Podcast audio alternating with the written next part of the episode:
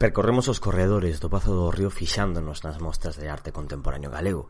A sede da primeira institución de Galicia é un espazo a cabalo entre o museístico e o político, un lugar singular que camiña da man da difusión da cultura do país. É aquí onde se viviu ao longo deste mes de outubro de 2023 unha disrupción da súa actividade cotián. O Parlamento activou as engranaxes para celebrar o debate do Estado da Autonomía, un instrumento de discusión que reflexiona abertamente sobre o estado do territorio galego, o seu futuro e os seus grandes retos. Conceptualmente, este debate convertese nunha das xornadas para abordar as grandes temáticas de Galicia, unha oportunidade para que as forzas políticas que representan aos galegos e galegas falen dos problemas estructurais da nosa sociedade. Precisamente pola súa relevancia institucional detemos a autocaravana de Carretando no Pazo do Río. Neste episodio analizaremos o acontecido no primeiro debate de política xeral de Alfonso Rueda, mas tamén botaremos a vista atrás para ver as orixes desta cita. Benvidos e benvidas e benvides a Carretando, este podcast de xornalismo interpretativo e divulgación sobre a política galega.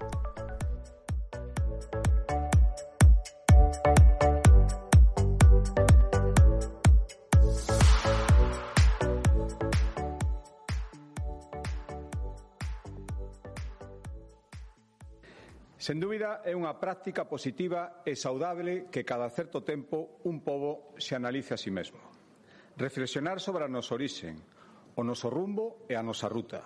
Dialogar para identificar esas correntes de fondo que influen no futuro de Galicia e que os galegos, que somos donos do noso destino, debemos coñecer para tomar as decisións aceitadas sobre o rumbo a seguir. Así arrancaba o presidente da Xunta de Galicia, Alfonso Rueda, a súa intervención no seu primeiro debate do Estado de Autonomía, e xa nomeaba nas súas liñas iniciais a intención de pensar nas correntes de fondo que influen no futuro de Galicia. A meta desta cita institucional é clara, abrir a mirada dos partidos políticos e dos representantes do povo galego para trazar unha panorámica ampla, unha diagnose do presente e do futuro. Mais paremos un momento e vayamos ao pasado, porque cando nace un debate así, con estas características e intencionalidade? Se consultamos a hemeroteca do Parlamento de Galicia, vemos un ano chave, 1979. Esa é a data na que o primeiro presidente socialista da Xunta, Fernando González Laxe, celebrou o primeiro debate do Estado de Autonomía. Fixo un 14 de marzo nun recén estreado Pazo do Río. No discurso daquel día, González Laxe aseguraba estar convencido de que o debate non só serviría para poñer de manifesto as inquedanzas do país, senón tamén para xerar unha conciencia colectiva que o povo de Galicia, segundo as súas declaracións, estaba reclamando dos seus gobernantes. Conciencia colectiva, temas transversais, problemas de toda a sociedade galega, Ese é o verdadeiro sustento conceptual do debate do Estado da autonomía, referenciar os asuntos comuns. Dende aquela década dos 80 até agora, nesta cita institucional hai dous componentes fundamentais. O Parlamento de Galicia e a Xunta, a parte legislativa e a parte executiva. Mais como se relacionan os dous organismos? Sempre ten que haber un debate do Estado de autonomía. Para averigualo achegamos estas dúbidas a un dos politólogos de Carretando, Gianni Juncal, e esta foi a súa resposta. Como ben saberás, é o Parlamento ao que lle corresponde a función de control sobre a propia Xunta de Galicia, é dicir, sobre o Executivo galego. Neste senso, é a Lei 1 barra 1983 de 22 de febreiro, a reguladora da Xunta e da súa presidencia, a que fixa no seu título quinto como deben ser estas relacións, as relacións que debe establecer a Xunta co Parlamento, é dicir, o Executivo co Legislativo. Así, mm, se afundamos un poquinho máis nesta lei, atoparemos no artigo 48 como deberá ser estes debates. É dicir, anualmente a Xunta deberá solicitar ante o Parlamento ao inicio dun dos dous períodos de sesións, é dicir, en xaneiro ou en setembro, a celebración dun debate de política xeral. E isto é literal, dun debate de política xeral. E facemos unha matización aquí, porque, aínda que habitualmente é conocido como debate do Estado de Autonomía, o nome que lle dá a lei é debate de política xeral. Do mesmo xeito, eh, este artigo 48 tamén matiza unha cousa moi importante, e é que a regulación establece que non caberá celebrar este debate no mesmo ano no que fora investido o presidente da Xunta de Galicia. Por qué? Porque ese debate de investidura será o que sustitúa este debate anual de política xeral. O Parlamento convoca e controla o debate, a Xunta é a encargada de solicitalo. Un debate de política xeral que mobiliza os recursos do Parlamento de Galicia, mas tamén chama a atención dos medios de comunicación galegos pola súa singularidade. Indubidable que a través destas xornadas se marca moita da xenda temática do que está por vir, e os asuntos nos que poñer atención non son cousa menor, e menos aínda cando estamos a meses de entrar nas eleccións autonómicas. Para Yanir Juncal, o noso politólogo, esta iniciativa é a expresión máxima do debate parlamentario, o espazo para materializar a política en mayúsculas. Para min, un debate anual de política xeral é a expresión máxima do debate parlamentario da función de control que exerce o legislativo sobre o executivo. E é que realmente estes debates cando son convocados chegan un pouquiño para quebrar por completo eh, a realidade ou o día a día do Parlamento, da, do traballo do, dos deputados e dos grupos parlamentarios.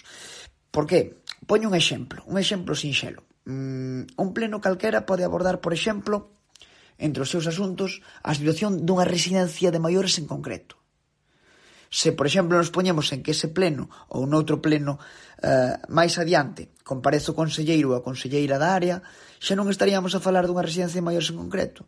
Seguramente se abordaría a situación das residencias de maiores en xeral.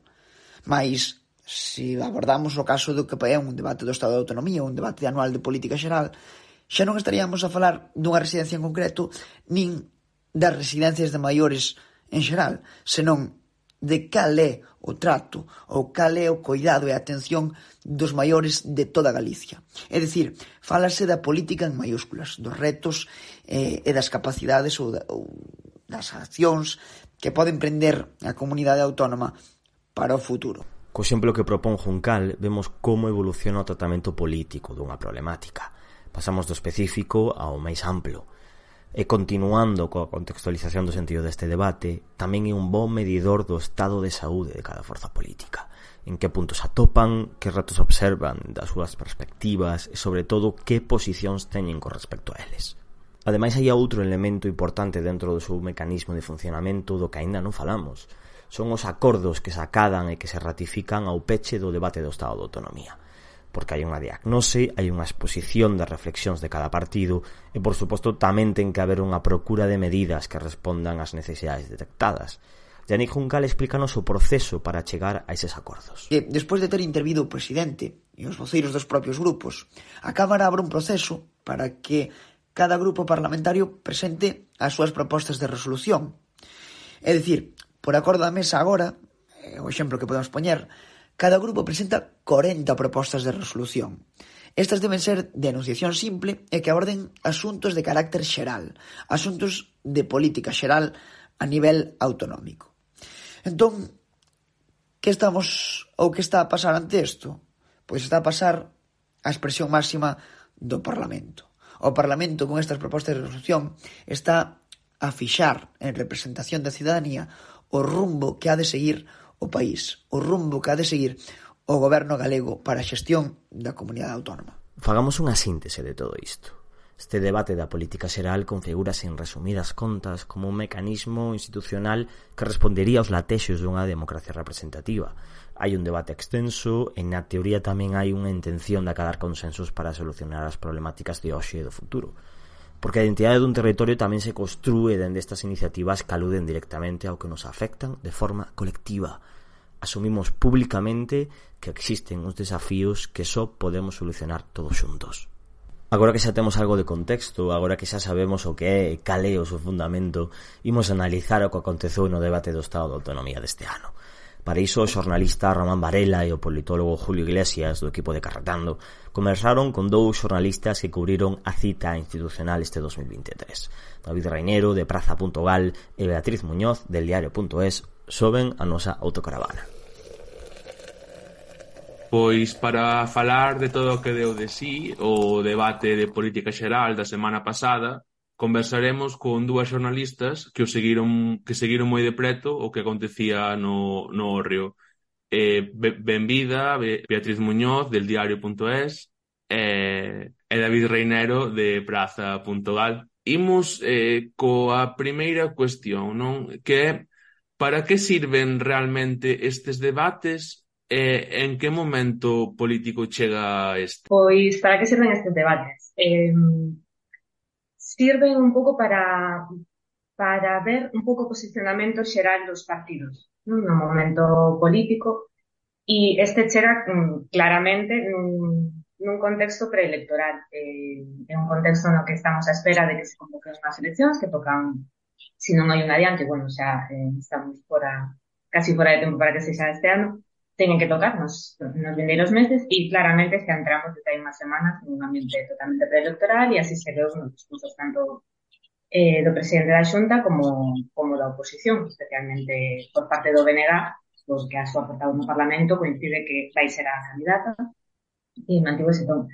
Entón, eh, sirven un pouco para palpar, para ver eh, en que momento político estamos, eh, que vontade política hai, se hai máis confrontación, máis intención de diálogo, ainda que, bueno, intención de diálogo nos últimos anos en Galicia moi ben escasa, porque o partido que goberna a oposición.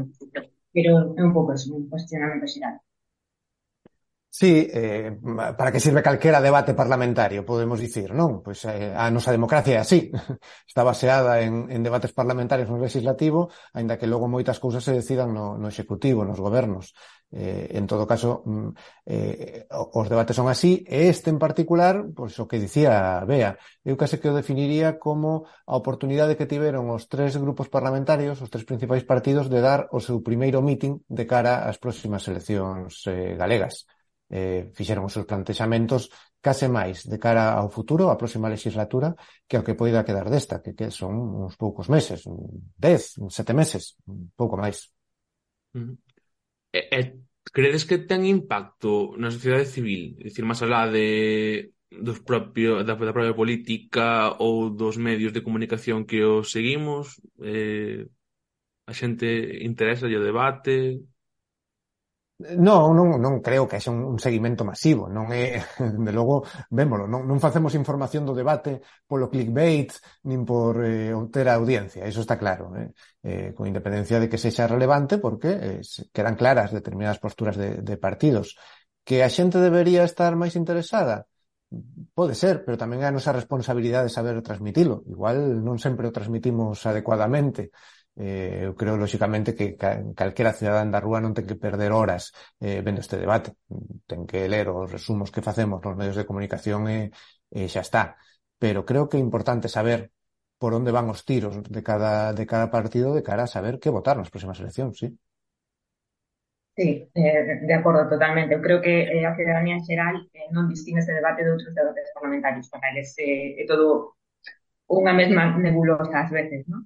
eh, digo, incluso polo meu propio entorno, fora dos que son xornalistas, eh, a xente non é consciente de en que consiste este debate, de por que é diferente de outros, e nin sequera sabe, pues, por exemplo, aquí hai propostas que que se pactan a veces, en este caso sí houve certos pactos e tal, pero non son obligatorias para a xunta, non quer decir que as teñen que executar. Eu creo que a xente non está eh, informada das dinámicas, nin lle pone máis atención. Como di David, teñen que ler os resumos, porque este é un debate que é moi longo, son moitas horas. Entón, especialmente neste caso, eh, creo que o cidadáns en xeral, ainda que lle interesa a política, ainda que sea máis metido en destreza e demais, eh, non entende máis o impacto e non entende tampouco cal é a norma diferencial deste debate. Eu creo que o ve como outro debate no Parlamento. Claro, para explicarles aquí un pouco a xente que nos poida estar escoitando Eh, eh, as resolucións que se aproban no debate son propostas que fai eh, ou peticións que fai o Parlamento a Xunta, pero logo non hai ningún mecanismo para exixir o seu cumprimento. Presupoñemos que a Xunta, como ten sintonía, digámoslo así, co PP, que é o partido maioritario e que aproba esas resolucións, que a Xunta vai cumprilas, pero non ten por que ser así. De feito, hai todo tipo de promesas no pasado que non foron cumpridas nin, nin, nin iniciaron eh, o traballo algún para, para cumprilas. Eh, un exemplo que contamos eh, hai, hai tres días mesmo. No anterior debate de política xeral no Parlamento, en 2021, Feijóo prometeu no seu discurso inicial un monumento ás vítimas da COVID. Dous anos despois, non aparece ese monumento por ningún lado. E preguntada a Xunta, non contesta. Non existe o monumento ás vítimas da Covid. E parece que se algo que promete eh, o presidente da Xunta, non xa que lle pida o Parlamento á Xunta, senón que o propio presidente da Xunta promete algo e dos anos despois pois non o cumpriu e non pasa nada. Incluso isto que David, unha cousa de iniciativa propia do, do goberno e do, do grupo do goberno e que tampouco, quer dizer, non é unha estrategia económica de base, eh, é eh? unha un compromiso, digamos, eh, máis puntual. Pois, suceden estas cousas. E eh, xa, entrando nunha das figuras principais do tema, como pensades que se desenvolveu Rueda no seu primeiro debate da política xeral? Eh, a ver, eu eh, é orador distinto a, a Fijó, eh, eu creo que Rueda é mejor, mellor orador que, que Fijó no sentido de que pode improvisar máis sen liala. Fijó tiña costume de que eh, cando se apartaba do discurso que tiña escrito, mm, podía liala. Mm? Inventaba cousas, eh, daba datos erróneos, eh, por, por trabucarse, ni máis ni menos. Eh, nese sentido, Rueda é mellor orador. De feito, mm, aos medios pasannos o, o discurso escrito eh, co compromiso de que non se pode publicar nada máis que o que el pronuncie, eh, podemos comprobar como eh, Rueda apartouse mm, moitas veces do discurso escrito improvisando e non se notou. Eh? Eh, máis alá diso, iso é a forma.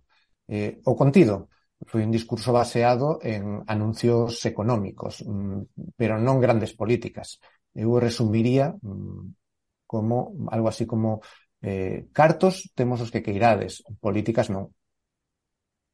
Sí, mm, concordo bastante. Os anuncios foi eh, eso, unha batería de, de axudas directas Sí, cuestión de, non son anuncios, unha vez máis, demasiado estratégicos, algo algún fondo así que que parece que non está de, de todo concreto para, para impulsar industria e demais, parte un sector que necesita moito en Galicia, está moi destacado, pero tampouco hai maior concreción. E ademais, eh, todas as medidas estrela que sempre destacamos son como bonos directos e axudas directas. Eh, moi, creo, creo que tamén en, a ver, claramente, eh, preelectoral. E, e o que decía David, eh, Rueda sí que eh, ten moita máis capacidade de, digamos, de reaccionar, de, de saírse do propio guión, de reaccionar en a que non teña o argumento escrito, pero tamén eh, é un político que está, ao final, está moi afeito o Parlamento, e o que sí que eh, adoita facer é recorrer sempre a determinados argumentos. un repertorio argumental que suele repetir, e se, se siguen as preguntas ao presidente, que son cada 15 días nos plenos ordinarios, vese que, eh, que recorre ¿no? a determinados leitmotivs de contraposición e demais. Entón, nese sentido, como vexo a Rueda no seu primeiro debate, vino eh, razonablemente confiado, eh, porque, bueno, o político que se está moi afeito xa ao Parlamento de Galicia, pero sen novidade, xa, argumentos habituais e, e as medidas que eran esperables nun contexto que vai haber eleccións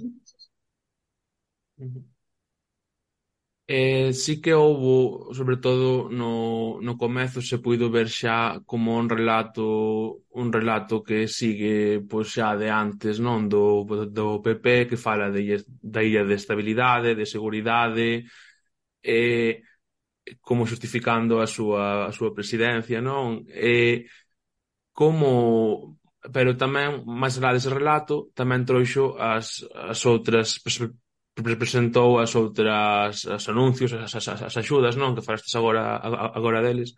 E que pretende con estas iniciativas neste contexto preelectoral? Eu creo que claramente está xa xogando a traer votos. Está creando unha dinámica con todas as medidas de partido e de que están partindo da Xunta de Galicia, eh, xa unha cuestión de, de popularizar a súa imaxe, de de ir a determinados sectores nos que sabe que pode recoller voto, entonces claro, son medidas, eh, pues, por exemplo, os bonos para, para a dependencia, claro, son unha cousa como moi directa, palpable para a xente que, que as pode precisar e que ademais en Galicia é moita, porque hai moita poboación envellecida e que ten algún tipo de, de dependencias. Entón, eh, para mí claramente todo eh, contexto preelectoral. Estamos, como dicía David ao principio, eh, foi un mitin, foi basicamente un mitin. Mm. Eh, había unha circunstancia nos hai, hai dez anos, cando nos primeiros anos de goberno de Fijo, Feijó adoitaba recorrer a este tipo de medidas de axudas directas ou medidas puntuais e eh, non a crear novos servizos públicos pola situación da crise. Crear novos servizos públicos implica contratar a novos funcionarios que se consolidan no tempo, implican eh, consolidar gasto no tempo. E iso Feijó tiñalle moito medo nunha época na que había recortes orzamentarios, non? Eh, aquela época pasou, máis ou menos, será vendo restriccións, vale? Pero eh, pasou. Eh, agora o que chama atención é que, eh, bueno, eh, por exemplo, o, o bono para dependentes. Eh, nos últimos anos segue sen construirse ninguna soa residencia pública nova en Galicia. Fijó en 2017, 2017, aí seis anos e medio, prometeu unha residencia de maiores nova en cada unha das sete cidades. ¿Mm? Non empezou a moverse ningún só ladrillo en ninguna das sete cidades desas residencias, de aí seis anos e medio. Vale. Despois esas residencias, Feijóo anunciou que así ia construir a Mancio Ortega. Vale. Eh, seguimos en velas, nin con Amancio Ortega, nin sen Amancio Ortega. Ben, Feijóo tiña medo a este tipo de medidas, pois logo esas residencias hai que dotalas de persoal, sexa persoal propio da xunta, funcionarios, que hai que manter no tempo, ou sexa contratalos, sacalas a concurso e que xestione outra empresa. Iso significa consolidar cartos no tempo. Pero o, o, o que me chama a atención é que a medida que agora vende anunciar a rueda de 5.000 euros por dependente, evidentemente menos gasto que consolidar ese gasto con prazas públicas. Pero unha medida que unha vez que implantas, eh, retirala mm, non se me atolla nada fácil. Son 5.000 euros que vai quedar en cada dependente para sempre, igual que o complemento de 1.200 euros para cada residencia. Eh, son medidas que igualmente consolidan gasto. Eh, eh, Entón, mm, agora xa non hai aquel medo de consolidar ese gasto para futuro. Agora o que vexo que hai é unha decisión eh, ideolóxica de que ese gasto se consolide en axudas directas á cidadanía e non na creación de novos servizos públicos que se poderían facer co mesmo gasto consolidado. E xa que fala, empezamos a falar de políticas públicas en concreto, imos falar agora dunha que ten un peso bastante importante no, no debate político galego que é a sanidade. Como valorades o peso que tivo as sanidades neste debate da política xeral? Sobre todo na intervención de Rueda, precisamente hubo pouca concreción neste tema, non? Sí, eh, Rueda pasou casi de largo pola sanidade e mm, non vou decir que sexa curioso porque, bueno, un tema que que estivo moito nos xornais, no debate, e sí que eh, creo que a xente sigue tendo problemas pois, para ir a unha consulta con unha atención primaria e demais, é unha cousa que a cidadanía ve. Entón, como un problema non resolto, eh, ten lógica que, que o presidente da Xunta, que ten competencias en sanidade, eh, non queira entrar moi ao fondo deste asunto. Entón, dixo generalidade, non? De continuar os programas que teñen para intentar que, que os médicos queden en Galicia, e pouco máis, claro. É un tema que para eles é polémico, hai un, un ano estaban con manifestacións masivas na rúa, entón é, é algo que lles pode facer dano, entón esquivano como poden. E, bueno, a oposición tampouco... Si sí entrou un pouco máis no tema, pero tampouco, na miña opinión, entraron moi eh, a fondo nin fixeron moitas, moita sangre con isto, pero usar esta expresión.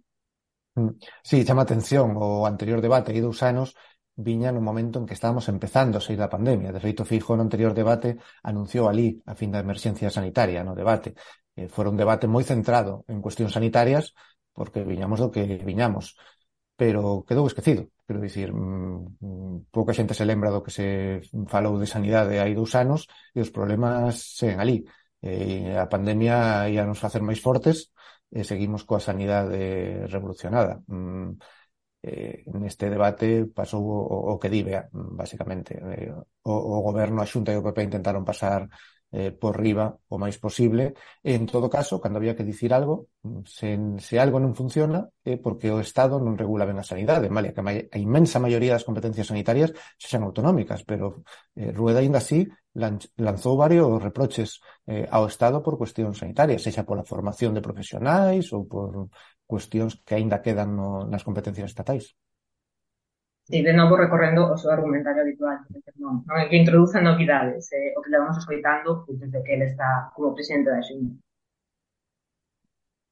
E unha das, outra das cuestións que se diagnosticou neste debate das problemáticas do territorio galego foi a, o, o, o acceso á vivenda, non? Eh, houbo, tratouse algunha cuestión Eh, en, en especial houve algún exercicio de, de reflexión xeral tanto desde a Xunta como desde, bueno, de, como desde o PP como desde os partidos da, da, da oposición? Sobre que cuestión, perdoa? Sobre vivenda. Ah, vivenda. Eh, a oposición, fundamentalmente, votoulle en cara as políticas de vivenda. Eh, nun momento do debate, Rueda anunciou eh, creo que 1.900 vivendas en Alugueiro, unha cifra así, eh, e claro, iso serviu a Pontón especialmente para sair dicindo, pois, en tal ano tres vivendas, en tal ano tres vivendas, eh, con estes antecedentes eh, non ten vostede credibilidade. Eh, eh, é eh, verdade, quero dicir, neste caso podemos facer eses, ese fact-checking que facemos ás veces os medios e as cifras que deu Pontón eran certas. Mm, a, a, a creación de vivendas eh, públicas alugueiro ou propiedade por parte da Xunta na última década e media foi anecdótica. Sí, están totalmente en mínimos e volve ser un tema eh, no que eu creo que a Xunta tampouco lle interesa eh, entrar demasiado a fondo porque as súas políticas van por outro lado. ¿no? Estamos eh, un pouco con, con que están, por exemplo, nesta batalla con que a Coruña quere que se clareza unha atención al alquiler, a Xunta di que non é necesario, pero a veces está sacando eh, medidas como esta, esta normativa nova para, para que os baixos sexan convertibles en vivendas máis facilmente, o argumento precisamente de que o alquiler está caro.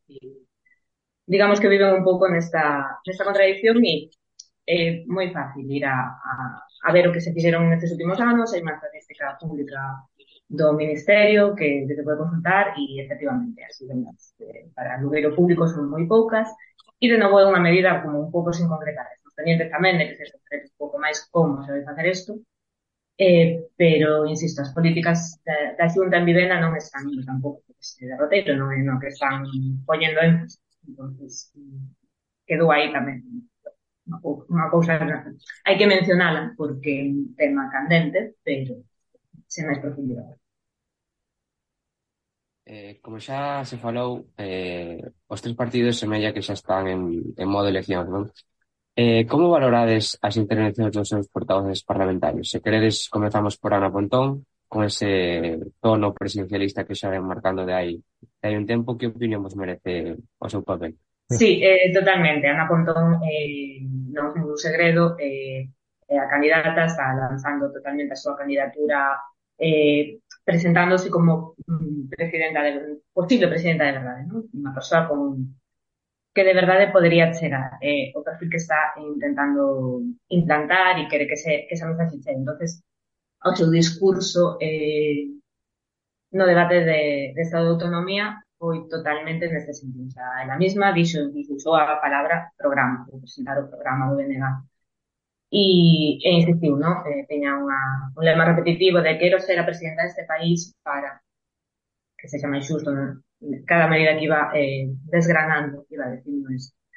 Entón está, está claro, non hai ninguna trampa no sentido de que xa sabemos que vai ser a candidata do BNG e que toda a súa estrategia é apostar porque o BNG eh, agora mesmo é a segunda forza no Parlamento, é o líder da oposición, por enredar o PSDG con máis diputados, e eh, a súa estrategia presentarse como unha posibilidade realista para, para facer un cambio de goberno agora que pues, Rueda eh, vai ser a primeira vez que se presente nas eleccións, porque ele é presidente sin, sin que mediasen eleccións, simplemente porque sustitúa a Feijó.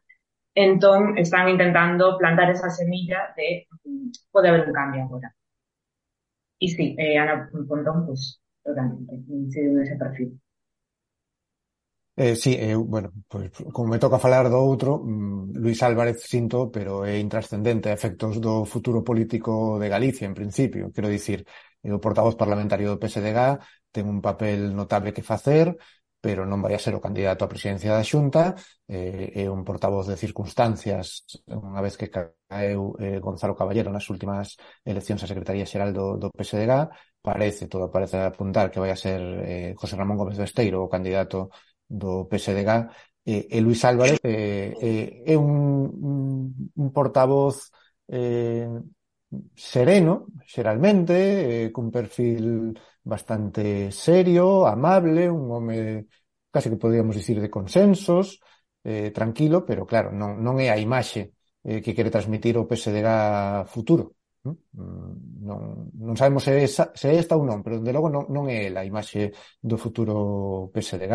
Eh, no que dicía de Dana Pontón, Eh, o problema destes debates é que eh, é importante para un portavoz como ela que quere darse a coñecer, que quere presentarse como presidenta, eh, o problema é que é ela a única cara visible, a única voz do BNG, mentres que o PP eh, ou a Xunta pode xogar con dúas voces, eh, poli bono polo, poli malo, non? Rueda fai as propostas, mentres que o portavoz do PP eh, Alberto Pazos Cuñago pode ser o polimalo, non? O, o famoso Doberman de outros tempos do, do PP, o que eh, ataque a oposición. Eh, iso é fácil de repartir eses papéis eh, no PP, eh, a oposición está máis atada a hora de facer iso e ten que medir os seus ataques ao goberno. Se, que se queres presentarse como alternativa de goberno ten que ser propositiva, facer as súas propostas, pero as críticas ao PP ten que medilas para que non sexan vistos como a ah, uns radicais que o único que queren é rachar con todo, é só criticar, pero non teñen propostas. É, é complicado. Eh, houbo 13 propostas aprobadas por unanimidade, eh, destacaba David, non que era a cifra máis alta desde 2012. Eh, a que se debe este incremento? E, eh, e eh, tamén se, se o dea favorece que haxa estes grandes consensos non entre, os, entre as forzas políticas. A ver, como en todo hai debates. Fichemos efectivamente un repaso eh, aos debates de, de Estado de Autonomía ou de política xeral dende o principio, dende o primeiro de 1989, e hai de todo. Os primeiros debates de todos había moi poucas propostas aprobadas en xeral e moi poucas por unanimidade. Despois a cifra foron medrando a medida que, que evolucionou a autonomía eh, ata aí unha década chegaban as 30, 40 propostas aprobadas eh, por unanimidade. Quero dicir, non, non só aprobadas porque eh, o partido que tenga maioría impón, senón por unanimidade. Eh, e hai unha década caeu a cifra, caeu a cifra menos de 10. Eh, eu interpreto esa caída eh, ao momento de convulsión política da crise, aparición de movimentos eh, nas rúas, eh, o 15M, eh, o, o malestar xeral, era difícil acadar eses consensos. Agora parece, parece que empeza a recuperar esa cifra, pero ainda está moi lonxe da que había eh, hai unha década. Estas 13 propostas aprobadas por unanimidade comparados coas 30 ou 40 de 2008 ou 2010 eh, quedan moi lonxe. Entón, bueno, mm, todo é matizable. Eh, mm, e, e logo que falábamos antes, o que dicía eh, Bea, eh, vale, está aprobado, agora hai que cumplilo, e iso xa é outro cantar. Efectivamente. E probablemente tamén teña que ver un pouco un momento político no que, bueno, eh, tal vez valga para sacar peito especialmente o partido de, de goberno para poder decir que, bueno, hubo paz hubo unanimidade, non? Aquí non estamos tan nos, nos extremos. Mm, non sei se, se eso tería algo de peso, pero, pero bueno, en calquera caso volvemos o mismo de que en realidade a relevancia destes acordos é un pouco limitada. Mm. Pero de todas formas, a min, a min gustame eh, que se transmita tamén isto á sociedade, eh, porque a sociedade a veces parece que nos parlamentos só están tirándose cousas á cabeza, que se insultan todo o rato. E non, non, o sea, aquí os deputados do PP, do BNG, do PSOE comparten café na cafetería do Parlamento, e charlan do tempo, eh, da roupa do fillo no colexio. Mm, non pasa nada. Quero dicir, está ben trasladar esa normalidade, eh, que non todo é discusión, senón que hai un, unhas mínimas bases de consenso. A mínima base de consenso é a democracia, e así. Mm. Eh, porén si que houbo eh, sobre a proposta da, da condena ao terrorismo, non? Que foi eh, como que o, o PSOE e o PP intentaron pois deixar, o sea, como, como enmarcar o BNG eh, nunha posición incómoda máis será desas, é dicir, ou, ou esa parte de acordos eh, comuns, o sea, de grandes consensos, pero logo ese xogo político que ao PSOE, por exemplo, lle fan en, en Madrid e aquí o PSDG como que lle intentou facer o, o bloque tamén, non? Sí, eh, eh, é o de sempre. En todo caso, eu quedome, como eu sempre intento quedarme co positivo nestes casos, quedome con esa condena unánime do terrorismo en xeral. ¿Mm? E iso aprobárono os tres partidos. Logo houve intento, efectivamente, de, de deixar fora do xogo o BNG, e é verdade que hai unha parte do BNG que en determinadas cousas está fora de xogo. Nisto, en a guerra de Ucraína, ou non condenar o ataque de Rusia, eh, hai, hai iso. Logo podes entrar no debate de se por condenar unha cousa non implica que non condenes a outra.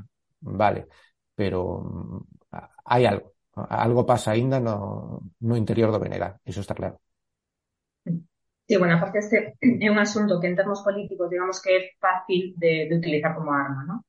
Porque apelamos a cousas que son moi moi emotivas, ¿no? Moi básicas. Estamos falando de, asesinatos. Entonces, eh, claro, como non aproveitar esa forma de poder facer unha ferida a, ao partido que sí que estás vendo, non sei se en ascenso xa nos seus máximos electorais que o como non utilizar en un debate de política xeral o que pode atacar, digamos, eh, máis facilmente na opinión pública. Tamén creo que ten un recorrido limitado polo que decíamos antes. Este debate creo que tampouco eh, chega moitísimo á ciudadanía. Non sei cando impacto realmente pode ter. Pero digamos que é unha forma fácil de marcar distancias, de, sí, acordamos cousas, pero realmente tamén somos distintos e esta pode ser a posición que máis facilmente sexa polémica socialmente do Venegas. De todas formas, é unha polémica limitada na sociedade española vendo como eh, máis alá dos, dos ataques terroristas de Hamas condenables, evidentemente, eh, estes días está saindo a xente á rúa e a xente está saindo á rúa en apoio de Palestina. É así, mayoritariamente. Pois eu creo que van van seguir polos derroteiros que marcaron este debate. Quero decir, eh, estamos na época de previas eleccións e todos os esforzos están xa totalmente volcados eh, nese asunto. Entonces, eh, Rueda vai continuar coa defensa de esta estabilidade porque considera que isto queren escritar os seus votantes e potenciais votantes. Eh, vai continuar eh, votando culpas ao Estado porque especialmente se a investidura de, de Sánchez vai adiante como ten pinta que, que ser. Eh, porque é unha forma tamén de facer como un pouco oposición aos demais. Eh, o NG vai continuar con esta, este discurso de eh, somos unha a alternativa eh, con posibilidade real. E, bueno, o PSOE está, está un pouco por ver, porque, bueno, tamén se quedou resolto, digamos, nestes días, e empezou a resolverse precisamente nos, no, no propio debate, eh, bueno, sillas do Parlamento, non dentro do debate, quen será o candidato, que era unha cousa, unha peza que faltaba eh, bastante relevante neste, este xogo político da, das eleccións. Entonces, eh, o PSOE está por ver como, como se vai situar, pero entendemos que na senda da defensa de, das políticas do Estado e marcando, eu creo que poucas distancias coa política eh, de Pedro Sánchez. Hmm. Sí, eu creo por, por, por intentar facer un pronóstico do, do foco que porá cada partido en, en cada cousa, eh, ao PP interesalle eh, que siga dominando a xenda estatal, eh, que siga dominando a, a, conformación de goberno de Pedro Sánchez, o agravio, eh, Sánchez roubanos, eh, todo iso. Eh, ao PP interesalle ese, ese foco en Madrid, mm, e máis tendo a Fijo como protagonista en, en Madrid. Eh, o, o PSDG tentará estirar ao máximo posible o foco no seu candidato. Mirade, temos un candidato, que ilusionante, que ilusionante é o noso candidato. Eh, e o BNG mm, vai ter que intentar meter a súa propia xenda nestes temas, intentar aproveitar mm, calquera novidade galega, porque senón vai a quedar mm, sometido, aínda, aínda que veña con ese impulso, non? que é evidente do, do, dun BNG en, en crecemento, pode quedar sometido entre esa xenda madrileña e, e a xenda do PSDG, das novidades do PSDG. Mm, eh, os medios, ao final, eh, é unha culpa nosa, eh, gustanos as, as novidades, non? Entón, se hai algo novo, imos a por iso novo. Mm, entón, o BNG terá que, que, que buscar algo novo. E xa para, para rematar, aproveitando que está que subistes na furgoneta de, de Carretando, que data vedes para a celebración das, das eleccións e canto pode influir o, o, o fracaso ou éxito na investidura de, de Pedro Sánchez para esa data?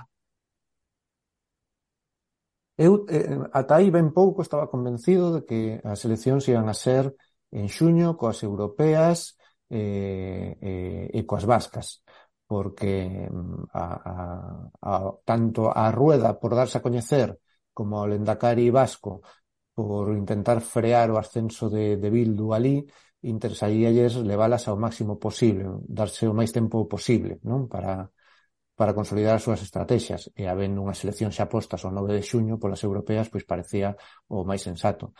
Pero eu cada vez vexo máis que Rueda mm, poda adiantalas perfectamente dous ou tres meses, eh, máis a primavera. Sí, a min sigue me parecendo un pouco raro que Rueda se desmarque eh, do que deu sendo a tenencia desde que fixo na Xunta que se convocaban as eleccións autonómicas galegas coas vascas.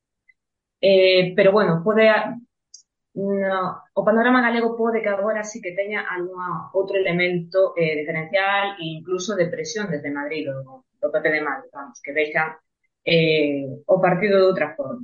Incluso eh, podería a interpretación inicial tamén de este esposulareando que se falou nestas semanas, que sería sentar este ano, e que finalmente, pues, que non vai adiante, eh, a que tería eso era facelo coincidir con, con todo eh, proceso de negociación de investidura para facer unha oposición a eso. Eh, parece que isto non vai ocorrer, pero eh, con David en que parece que perde peso a idea dunha convocatoria outra vez unificada. Tal vez en Galicia empeza a compensar ir canto antes, eh, pero creo que vai depender moito de como se desenvolva eh, Nesta semana, pois, a candidatura de Sánchez, o futuro incluso de Fiesta Madrid, porque antes, ao final, sigue sendo un referente para Galicia. Eh, eu non teño nada claro cal vai estar. Pois moitas grazas, quedámonos con eses pronósticos, non? E, eh, e xa veremos a ver cando, cando imos ás urnas. Moitísimas grazas por, por participar e, e nada, ata cando que irades. Moitísimas grazas a vos.